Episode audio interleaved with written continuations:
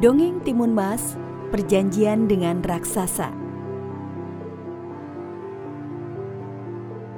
Mbok Sarni tinggal sebatang kara di hutan yang sepi. Ia sangat menginginkan kehadiran seorang anak. Tiap hari, ia tiada henti selalu berdoa.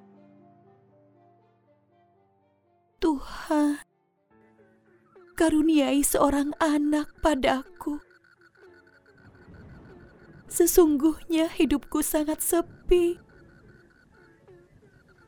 Jika engkau mengaruniai aku seorang anak, tentunya aku akan semakin bersyukur dan taat kepadamu. Suatu hari, raksasa yang kebetulan lewat mendengar doa Mbok Sarni. Dengan suaranya yang menggelegar, raksasa itu bertanya, Hei wanita tua, apakah kau sungguh-sungguh menginginkan seorang anak? Mbok Sarni terkejut. Dengan gemetar, ia menjawab. "Eh, eh, benar sekali. Aku mendambakan seorang anak yang bisa menemaniku. Namun sepertinya hal itu tak mungkin. Usiaku sudah tua dan suamiku telah meninggal.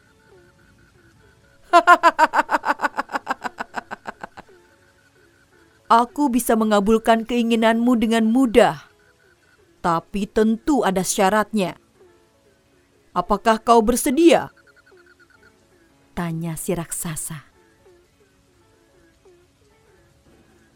Baiklah, aku bersedia. Sahut Mbok Sarni menjawab, walau hatinya takut melihat sosok raksasa yang besar dan seram. Peliharalah anak yang kuberikan padamu nanti. Beri ia makan yang banyak supaya gemuk. Aku akan menjemputnya saat ia berusia enam tahun. Ucap si raksasa menggelegar. Menjemputnya? Uh, untuk apa? Tanya Mbok Sarni heran. Tentu saja untuk kumakan. Anak yang gemuk adalah hidangan yang paling aku sukai.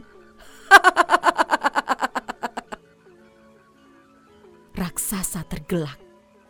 Suaranya menggelegar, menggetarkan hutan yang tadinya sepi. Mbok Sarni pun mengikuti saran si raksasa untuk menanam biji mentimun yang didapatkannya.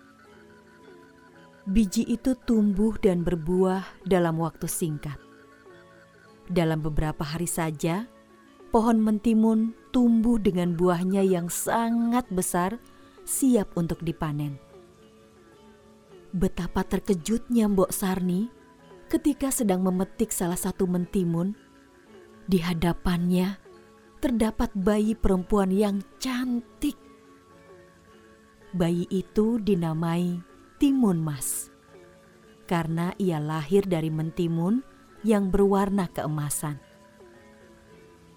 Hari ini Timun Mas genap berusia enam tahun. Mbok Sarni ingin memasak nasi kuning sebagai ucapan syukur. Ketika ia sedang sibuk di dapur, bumi bergetar. Bum, bum, bum. Seperti langkah kaki raksasa. Gawat, raksasa itu sudah datang. Untung Timun Mas sedang pergi. Aku harus mencari akal untuk mengusir raksasa itu. Kata Mbok Sarni dalam hati. Hai, ibu tua, keluarlah. Mana anakmu? Teriak raksasa itu. Mbok Sarni cepat keluar menghampiri si raksasa. Uh, sabar, aku akan menyerahkannya padamu. Tapi Apakah kau mau? Tubuhnya masih kecil dan kurus. Aku rasa ia belum cukup lezat untuk kau makan. Hah? Berarti kau tidak menjaganya dengan baik. Mana anak itu? Teriak raksasa lagi. Ia sedang pergi. Percayalah padaku. Kembalilah dua tahun lagi. Aku jamin ia sudah gemuk. Jawab Mbok Sarni. Raksasa itu percaya pada perkataan Mbok Sarni. Hmm, dua tahun bukanlah waktu yang lama. Pikirnya. Sepeninggal raksasa, Mbok Sarni mencari akal untuk menyelamatkan Timun Mas. Ia juga berdoa supaya Tuhan memberinya jalan keluar Suatu malam, Tuhan menjawab doanya. Mbok Sarni bermimpi bertemu dengan seorang pertapa di gunung. Pertapa itu menyuruh Timun Mas untuk menemuinya. Ia akan menolong Timun Mas. Saat Mbok Sarni terbangun, ia merasa tak ada salahnya untuk mencari pertapa itu. Ia lalu menceritakan semuanya pada Timun Mas, termasuk perjanjiannya dengan raksasa. Timun Mas memang anak pemberani. Ia tak takut ketika tahu bahwa raksasa akan menyantapnya. Timun Mas bertekad untuk menemui pertapa di gunung. Sebelum berangkat, ia memohon restu pada ibunya. Setelah berhari-hari mendaki, Timun Mas akhirnya mencapai puncak gunung. Ia melihat seorang lelaki tua berambut putih dan berjubah putih. Permisi, kek. Namaku Timun Mas. Ibuku bilang kakek akan membantuku melawan raksasa jahat yang hendak menyantapku. Sapa Timun Mas. Oh, kau yang bernama Timun Mas. Iya, aku memang mendatangi ibumu lewat mimpi. Cucuku, jika raksasa itu kembali, berlarilah dengan kencang. Pesan si pertapa itu. Langkah kakinya lebar, aku pasti mudah tertangkap. Kata Timun Mas heran. Ambillah empat buah bungkusan kecil ini. Lemparkan satu persatu. Ketika kau melarikan diri, Jawab pertapa itu dengan tegas. Timun Mas paham. Ia lalu pamit pulang. Dua tahun berlalu. Saatnya raksasa kembali untuk mengambil timun mas. Benar saja. Tiba-tiba terdengar langkah kaki dan teriakan menggelegar. Mbok Sarni, mana anakmu? Aku sudah lapar. Teriaknya. Kumohon, jangan makan dia. Pinta Mbok Sarni. Enak saja. Kau sudah berjanji Kau tak boleh mengingkarinya. Jawab raksasa. Dengan terpaksa, Bok Sarni membawa Timun Mas menemui raksasa itu. Timun Mas berbisik padanya. Jangan khawatir, Bu.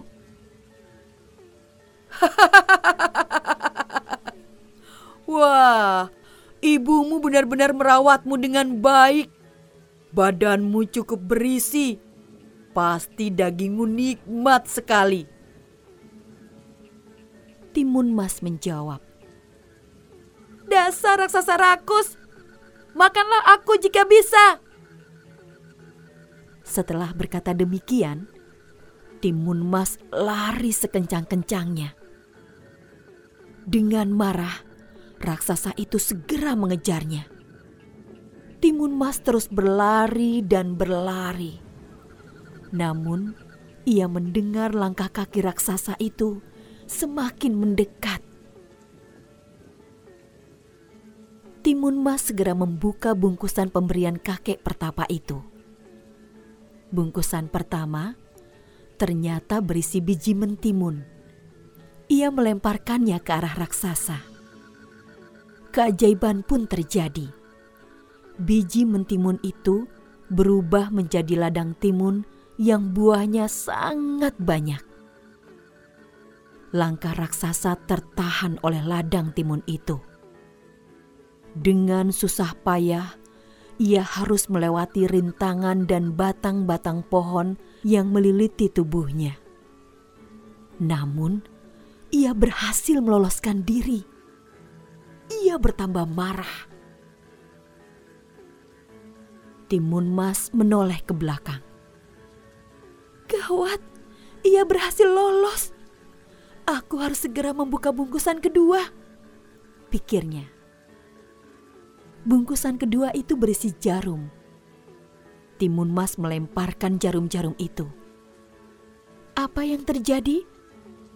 Jarum-jarum itu berubah menjadi pohon-pohon bambu yang tinggi dan berdaun lebat. Raksasa harus bekerja keras menerobos pohon-pohon bambu itu. Badannya terluka karena tergores batang-batang bambu. Meskipun tubuhnya berdarah, ia pantang menyerah. Justru larinya semakin kencang setelah berhasil melewati hutan bambu yang dibuat timun mas. Ia kesal karena dipermainkan oleh Timun Mas. Timun Mas membuka bungkusan ketiga. Sambil terus berlari, ia melemparkan isi bungkusan itu. Yang ternyata adalah garam. Lagi-lagi keajaiban terjadi. Garam itu berubah menjadi lautan yang luas. Namun, lautan itu tak menjadi penghalang bagi raksasa. Ia berenang melintasi lautan itu dan berhasil mencapai tepi. Raksasa mulai kelelahan, tapi mengingat lezatnya daging timun mas, ia kembali bersemangat berlari. Timun Mas ketakutan melihat kekuatan raksasa itu. Bungkusan terakhir adalah harapan satu-satunya. Sambil berdoa, Timun Mas membuka bungkusan keempat. Isinya adalah terasi. Sekuat tenaga, Timun Mas melemparkan terasi itu ke arah raksasa. Apa yang terjadi? Terasi itu berubah menjadi lautan lumpur yang panas mendidih raksasa yang berlari kencang tak dapat menghentikan langkahnya. Ia pun terperosok ke dalam lumpur. Ia berteriak dan meronta. Namun semakin ia meronta, semakin dalam lumpur itu mengisap tubuhnya. Ia akhirnya tenggelam ke dalam lumpur panas. Timun Mas menghentikan langkahnya. Ia lega karena berhasil menyelamatkan diri. Ia berjalan pulang ke rumahnya. Mbok Sarni yang terus menangis sepeninggal Timun Mas sangat bahagia melihat kepulangan putrinya. Mereka berpelukan dan mengucap syukur pada Tuhan atas pertolongannya. Sejak saat itu, Mbok Sarni hidup bahagia bersama Timun Mas. Nah, Pesan moral dari cerita rakyat Jawa Tengah, Timun Mas, adalah jangan berjanji jika kau merasa tidak mampu untuk memenuhinya. Orang akan marah jika kau ingkar janji padanya.